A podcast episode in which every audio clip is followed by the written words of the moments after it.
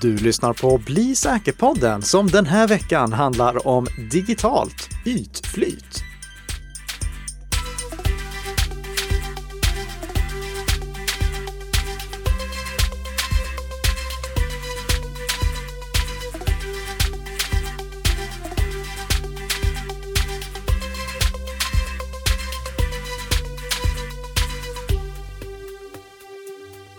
Ja, god morgon, god morgon och välkomna till Bli säker-podden med Karl-Emil Nicka, Tess Hamark och inom kort också Karin Nygårds.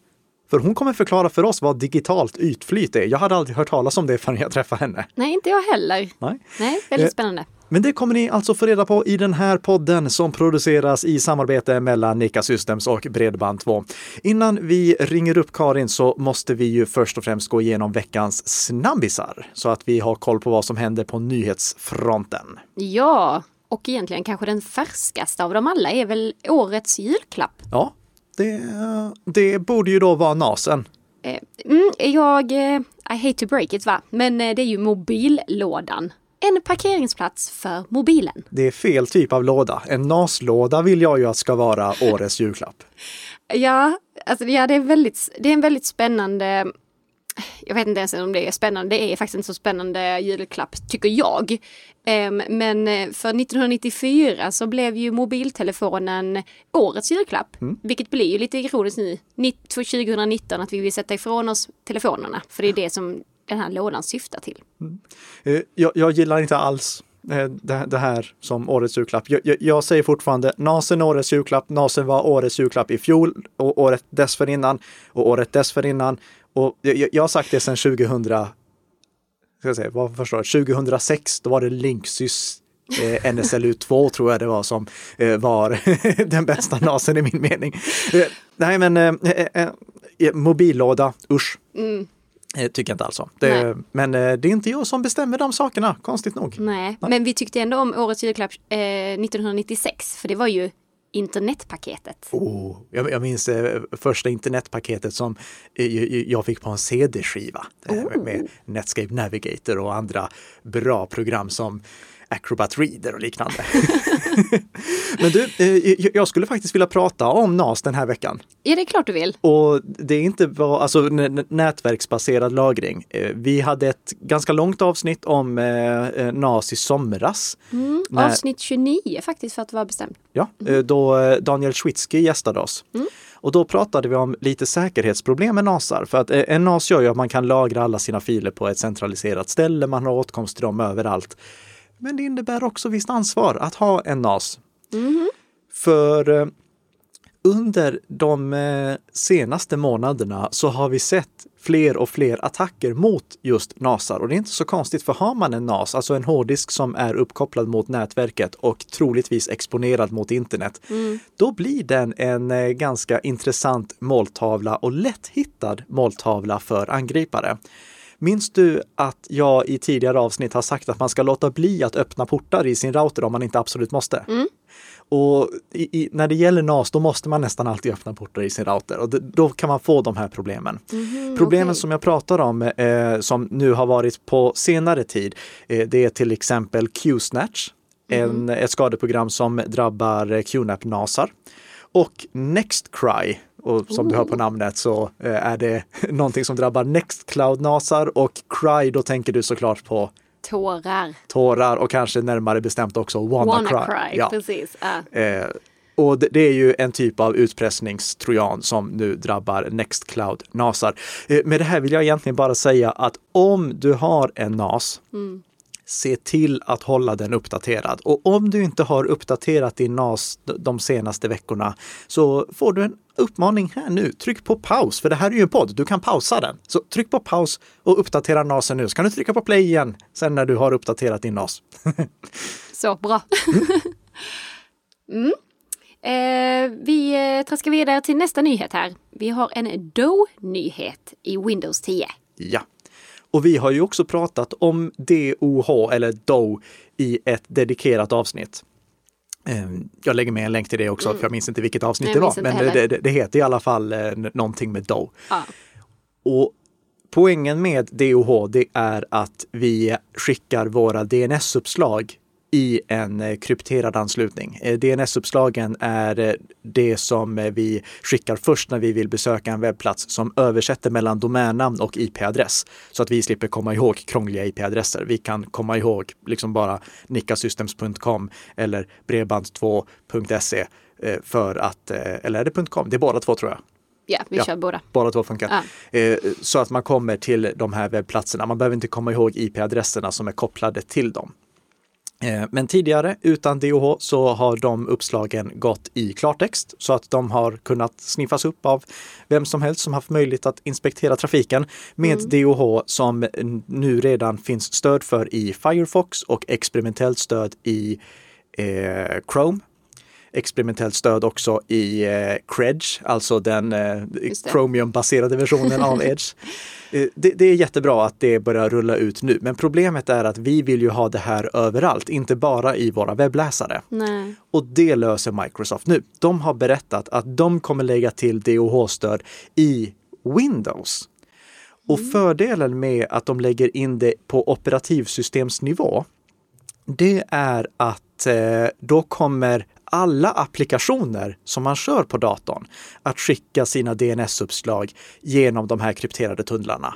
Så att det spelar liksom ingen roll om det är en eh, eh, mailklient eller om det är en chattklient eller om det är ett spel som ska ansluta över internet.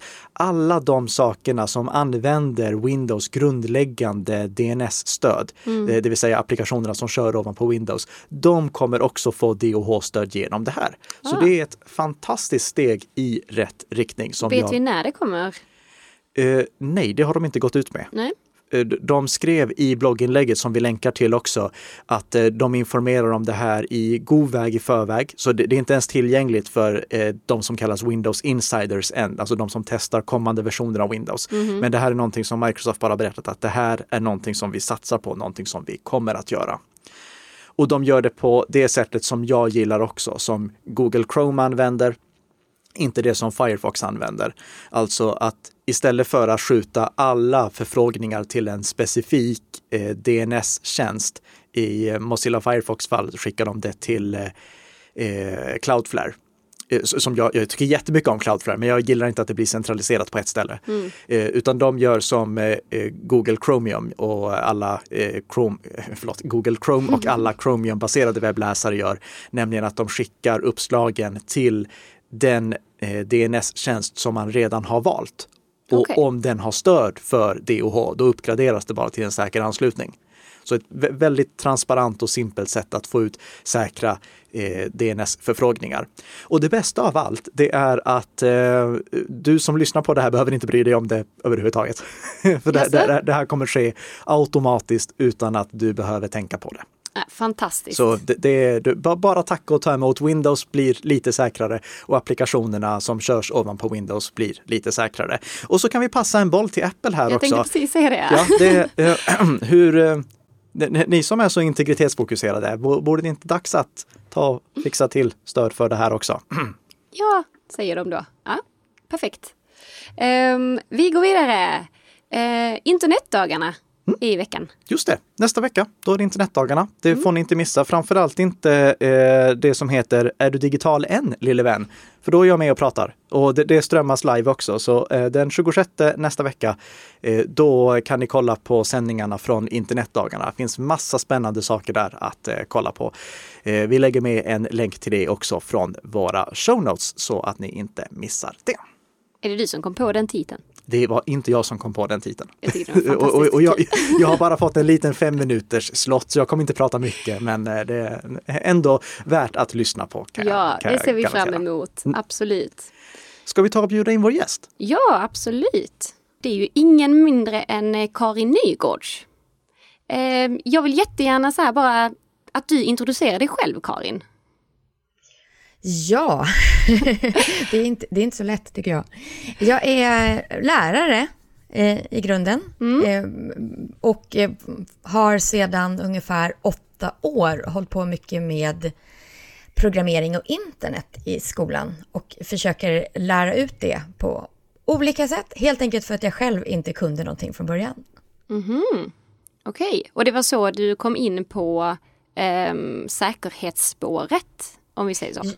Absolut. Jo, men för jag har ju själv då gått från att inte kunna någonting till att faktiskt lära mig lite mer och inser hur viktigt det är och hur det har påverkat mig som medborgare i det digitala samhället. Och då tycker jag, då känner jag sådär, det här måste jag ju dela med mig till alla andra. De ska inte gå omkring i ovisshet.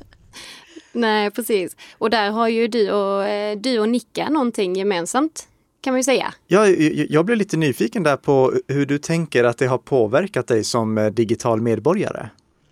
Jo, men det har påverkat mig jättemycket. För innan jag lärde mig någonting, då var jag eh, så här klassiker som tyckte att det var liksom läskigt att trycka på knappar och eh, så här, nej, nu gör datorn något konstigt här och så vet jag inte vad.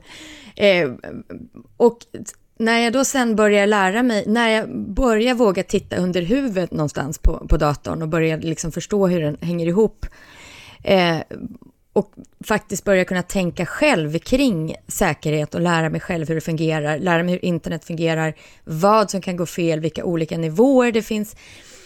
Då blev jag ju inte lika rädd längre. För att jag kan faktiskt, dels kan jag felsöka själv på ett annat sätt och jag kan liksom tänka kring om jag får ett får något sånt här mail där det står någonting, nu har du gjort så här och så här, så kan jag ju liksom resonera kring så här, ja men nej, det här verkar inte vettigt eller det här verkar inte rimligt.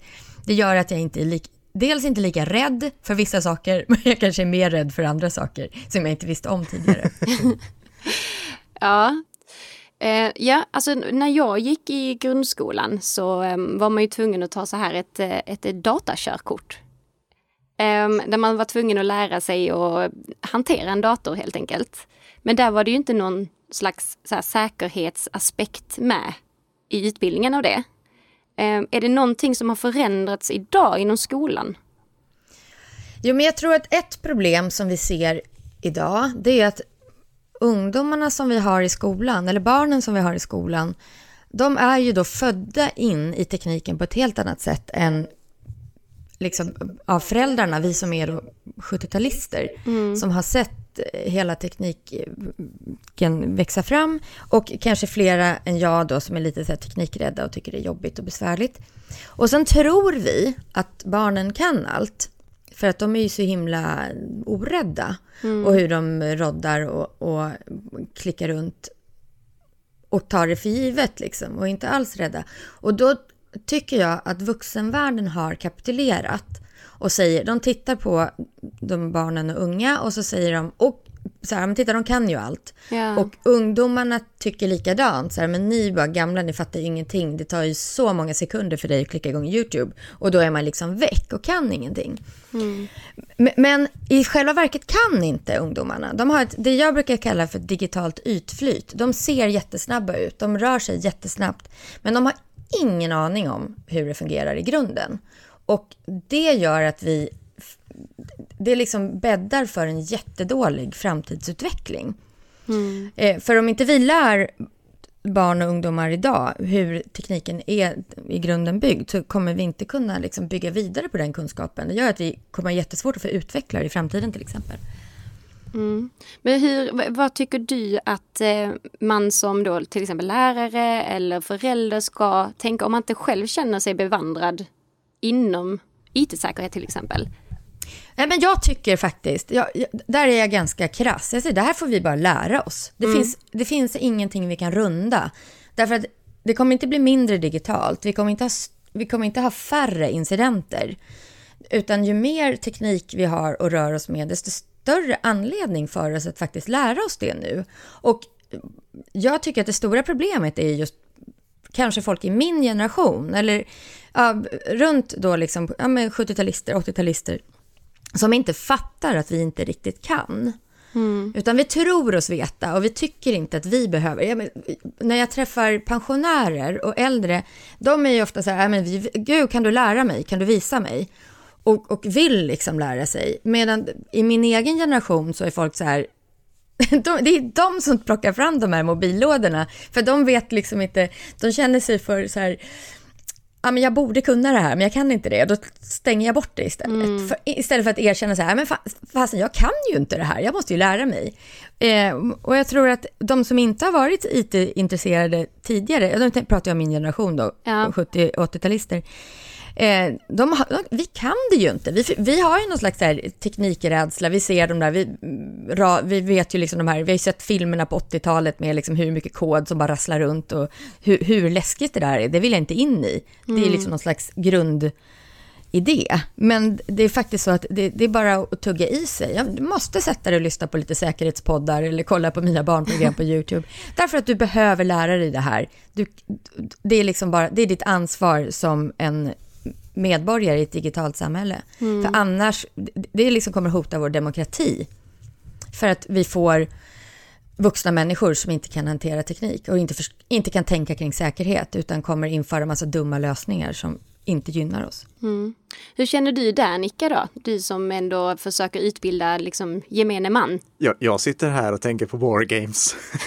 Den här fantastiska filmen från, eh, det måste vara sent 80-tal.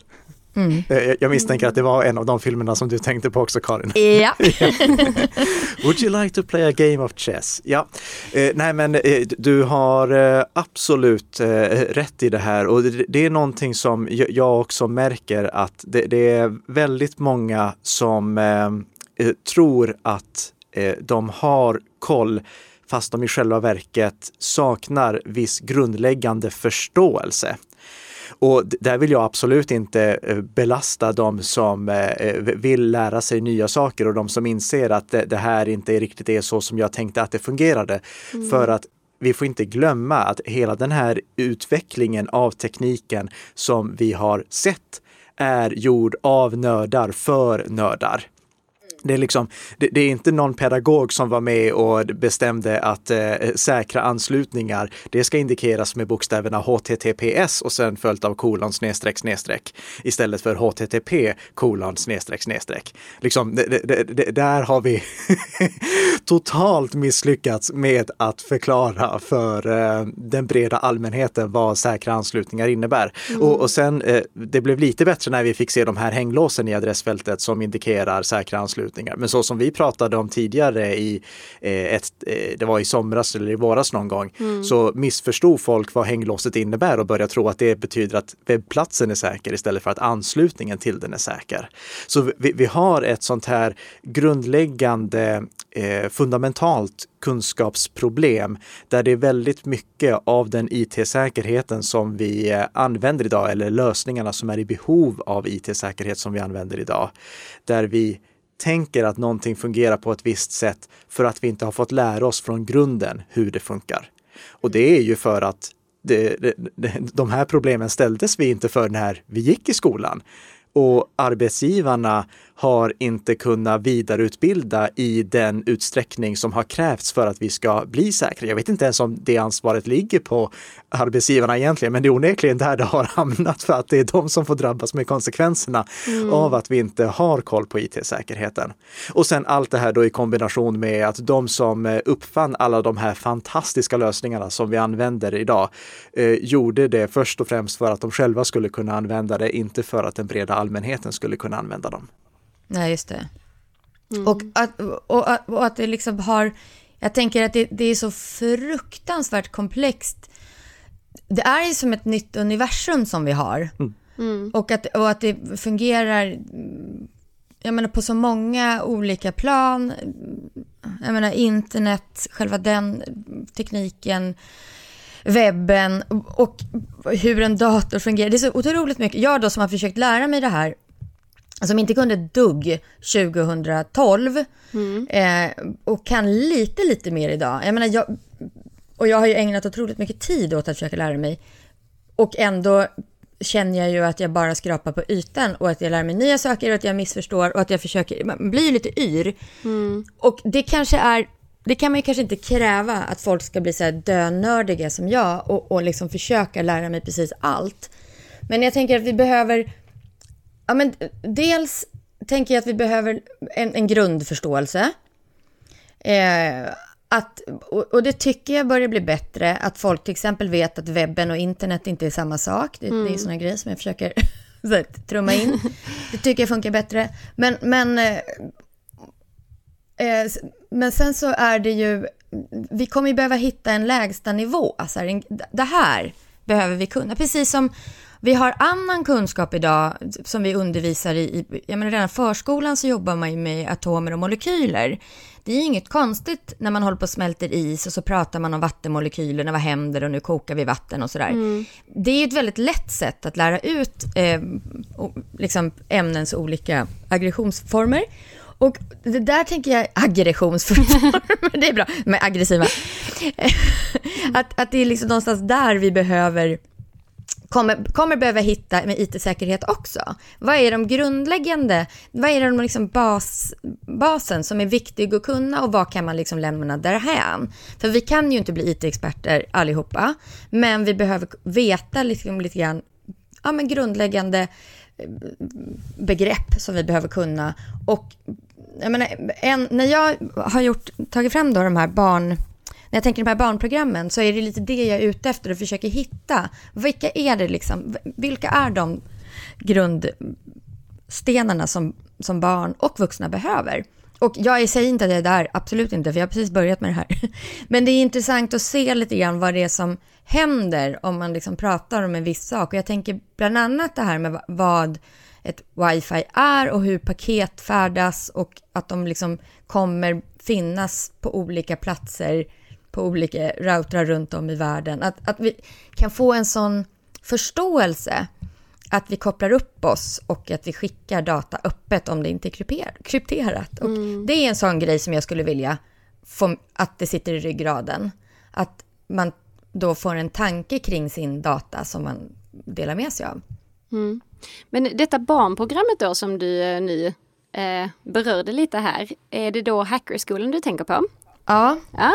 Eh, kan du inte berätta lite för de som inte vet vad Hackerskolan är? Ja, men alltså hacker, det började egentligen uh, lite, väldigt mycket större. jag har ju tidigare gjort barnprogram på UR som handlar om programmering. Som, mm. och, och, och, där det är liksom ett lek, lek genom så lekar, inte alls håller på med datorer, utan det är lekar, utmaningar, eh, så, så vill jag lära ut då ganska abstrakta programmeringsbegrepp. Eller, eller liksom, i säsong två så jobbade vi med internet och, och webben och, och, sökningar också. Eh, så det var inte bara programmering. Men, men eh, då kände jag ju då att det jag brinner mest för är just säkerheten. För jag tycker det är det som är det absolut viktigaste att vi får, får en medvetenhet kring. Mm. Resten, jag menar alla behöver inte programmera appar och, eller liksom ens, kanske ens behöver bekymra sig hur, hur en databas är uppbyggd. Så, så det, men det viktigaste i det tycker jag, det är att vi ska känna oss säkra och att eh, man ska kunna.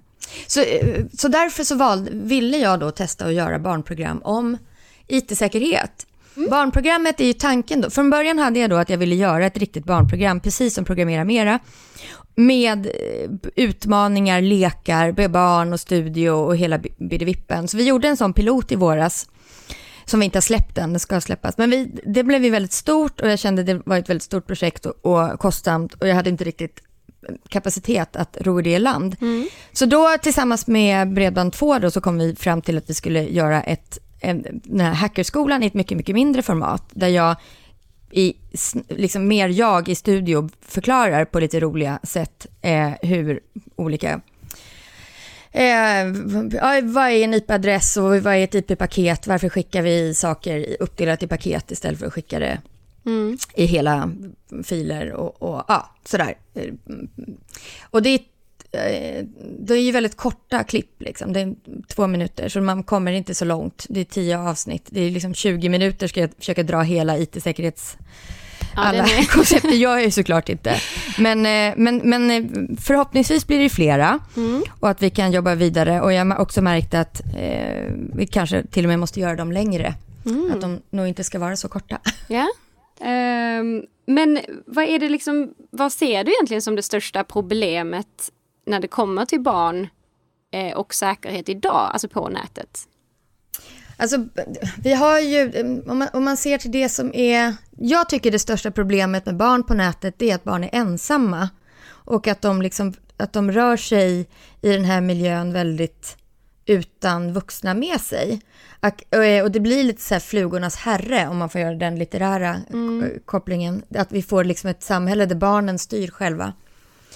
Eh, och det blir eh, liksom ganska hårda toner, precis som vad som hände i Flugornas herre, eh, där, där de liksom slog ihjäl varandra till sist. Liksom. Att eh, barn och unga behöver vägledning och det är det jag menar att vuxenvärlden har kapitulerat här. Vi har liksom lämnat över och vi låter dem härja lite fritt. Och jag tror ju inte då på att gå in och, och övervaka men jag till exempel i det här projektet med hackerskolan så blev jag tvingad att skaffa ett TikTok-konto. Och det mm. var ju otroligt nyttigt. Jag har ju suttit och kollat på TikTok tillsammans med min dotter. Mm. Hon är nio år, älskar TikTok och sitter och kollar på olika små klipp. Men att själv finnas där och, och lägga upp eh, klipp och få liksom möta den, liksom möta den publiken och, och, ta emot deras kommentarer. Det ger ju mig en helt annan insyn i vad det är för värld de lever i. Och mm. det tycker jag, det känns det känns väldigt nyttigt för mig och mm. jag märker också hur ensamma de är. Du... Så jag tror att den största, den, jag tycker att den största faran på internet inte är vad barnen själva gör egentligen, utan att de är ensamma och att det och att de inte har någon att prata med om det, för att vuxna fattar inte. Mm. Förstår inte deras värld. Och det kan vi inte förstå om vi inte tar oss tid att faktiskt sätta oss in i det. Nej, precis. Och då, är, då tycker jag att vuxna har en tendens att komma med lösningar som mobildagis och filter och blockeringar. Och jag, det hjälper ingen. Nej. Hur ser du på det då, Nicka? Jag eh, har ju fått en läxa här. Det är att jag ska installera TikTok och använda det. Mm. ja, det, Samma här, jag fick ja, den. Ja, men jag, jag, jag, jag ju, när Snapchat blev stort, då började mm. jag faktiskt använda Snapchat, fast jag blev vansinnig för att för att eh, när man skulle logga in i Snapchat så kunde man inte klistra in lösenordet. Och det tog ju ett alltså en evighet för mig att knäppa in mina lösenord som är 42 tecken långa. Det, ja. Jag vet inte om de har löst det på, jag borde kolla det på Snapchat också. Eh, nej men absolut, det, jag ska ta till mig eh, TikTok eh, och skapa ett konto där. Det är mm. min läxa. Det är din läxa. Ja. så, så ett råd till föräldrar kan ju också vara då att man kanske kikar in och hänger lite där, eh, där barnen är jo. Men sen, jo men det är det ju. Dels mm. tycker jag faktiskt att vi behöver vara det. Men, men det, där är det också någonting att vi behöver att inte... Vi måste också försöka komma ihåg. Det här är också en svår grej som mm. vuxen. Att försöka komma ihåg hur det var att vara barn. Mm. Och försöka komma ihåg hur det var att vara tonåring. Alltså hur, liksom, vi måste släppa barnen och våra tonåringar till att försöka hitta sin liksom, identitet och vi måste förstå att de kan låta råa i tonen fast mm. de kanske inte menar det och samtidigt som man behöver då också vara vuxen och säga att det här inte är okej. Okay. Så, så, för jag, vad jag är rädd för när man släpper ut, det jag är mest rädd för det är ju faktiskt vuxna. Mm. och de är ju också rätt, vi är ju rätt eh, dumma ibland och man märker också på barnen att de inte de har ingen, de litar inte på vuxna. Liksom. Nej. Eh, utan de hittar liksom YouTubers eller TikTokare som blir deras eh, deras gurus, liksom, de som mm. kan något. Och min egen dotter då, som, som har vuxit upp eh, med mig, för att hon föddes ju ungefär samtidigt som jag började med, med, min digitala resa, så hon vet ju att jag kan ganska mycket. Hon har ju liksom, ja, hon tror ju själv att jag kan allt i och med att jag, jag är mamma. Men, men hon litar ju inte på mig när, när hon trodde att någon hade hackat sig in i, i eh, Roblox och att det satt en hackare och tittade på henne, att det var liksom hans ögon som tittade på henne. Det, det tog liksom mig 40 minuter att prata henne ur den skräcken och förklara varför det var omöjligt. Och då vet hon ändå, liksom, jag fick plocka fram min bok, jag fick plocka fram mina tv-program och säga, kan du lita på mig, Edith? Så här, jag kan det här. Mm. Nej, men den här YouTuben sa att det är så. så här, ja, fast så här, tänk efter. Vem kan mest? Du, jag eller den här ungdomen? Liksom. Ja. Och då tänker jag att de flesta föräldrar har inte skrivit böcker eller gjort barnprogram om internet. Liksom. Så det är svårt att resonera och faktiskt få cred hos sitt barn. Att att nej, det du är rädd för nu är inte sant. Eller nej, det här måste du lita på mig i. Att jag förstår det här och kan det. För de, de unga tänker också att vi vuxna inte kan. Så vi behöver, liksom, vi behöver ta vår liksom, föräldraroll.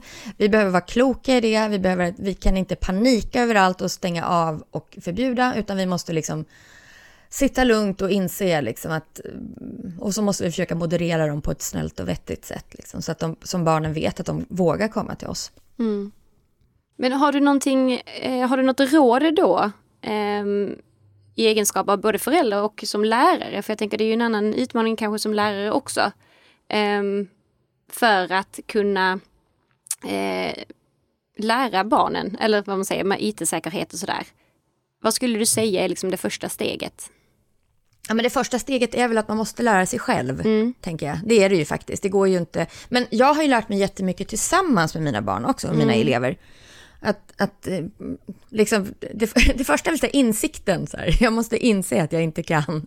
Jag måste inse att jag behöver lära mig det här. Och nu tänker jag att de som lyssnar på den här podden, de är ju redan där. Mm. Eh, och då, då är det väl att liksom, rådet är väl, jag, jag menar, bara sådana grundläggande saker som att lära barn, eh, ja men dels att göra säkra lösenord och att eh, lösenord ska inte delas med andra. Det, mm. det, för det märker jag ju också är en sån konfliktgrej, att man loggar in på varandras konton och sånt eh, och snor saker och har sig. Mm. Och att barn fortfarande går, går på det här att om jag får ditt lösenord så ska du få lite rob, Robux av mig och sådär. Så att det är ju någonting som vi behöver verkligen trumma in. Mm. Och sen att lösenord inte räcker, utan vi måste ha tvåfaktorsverifiering. och nu har vi öppnat Pandoras ask här. Ja. nu kör vi. Exakt. Har du någon, någon kommentar här Nicka eller någon fråga till Karin? Nej, jag, jag vill bara tacka så jättemycket ja. för att du ställde upp på den här intervjun och berättade om eh, hur Eh, de problemen som du stöter på som eh, lärare och eh, det som du gör för att försöka få den lilla världen till att bli lite säkrare för varje vecka som går. Mm. Tack! Och med det sagt så är det dags att runda av den här podden. Vi hann inte veckans lyssnarfråga. Nej, det ovanligt. Vara så. Men och om det är så att du har några kommentarer på den här podden så skriv det i kommentarsfältet. Jag är övertygad om att Karin kommer finnas tillgänglig där också. Absolut. Och sen hörs vi nästa vecka igen med ett nytt avsnitt av Bli säker-podden. Tack så mycket för att du har lyssnat.